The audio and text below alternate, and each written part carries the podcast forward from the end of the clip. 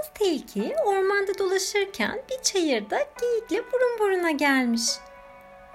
Önündeki çalılıklar arasında kahverengi bir şeylerin kımıldadığını gören geyik hemen tabanları yağlamaya hazırlanırken son anda bunun zararsız tilki olduğunu anlamış ve kalmış.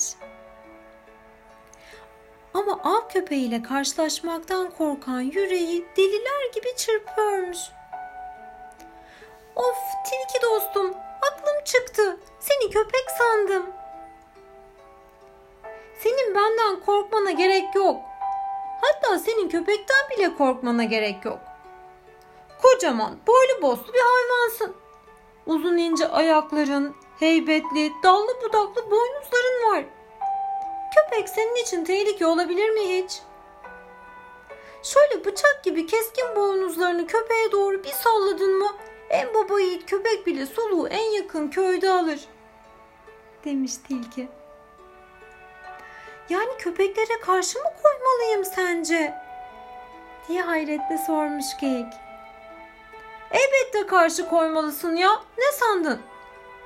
Hatta sen sadece köpeklere değil, avcılara karşı da direnebilirsin. Avcıya şöyle bir vurdun mu elinde ne tüfek kalır ne fişek hepsini atıp kaçmaya çalışacaktır. İtiraf edeyim ki hiç böyle düşünmemiştim ben. Ne zaman ağacı veya köpek görsen çareyi kaçmakta buldum demiş geyik. Çünkü sen kafanı çalıştırmıyorsun. Doğanın sana armağan ettiği olanakları kullanmıyorsun. Kendine ihanet ediyorsun. Bir şey geldi. Sen çok zekisin. Bense güçlü kuvvetliyim. Biz neden bu iki şeyi birleştirip bizi avlamaya çalışan avcıların ve köpeklerin canını okumuyoruz ki? Demiş geyik.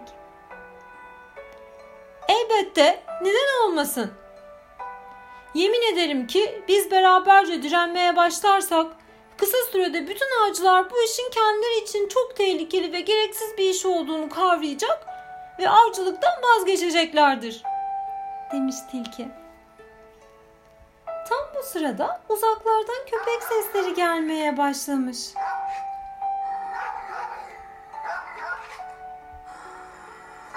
Avcıların bu sesleri giderek yakınlaştığında Geyik biraz önce konuştukları gibi ayaklarını dirençle yere basarak boynuzlarını yere eğip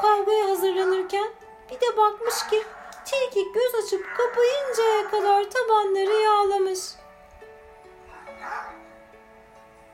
Yanından tilkinin kaybolduğunu gören geyik de artık tereddüt etmemiş.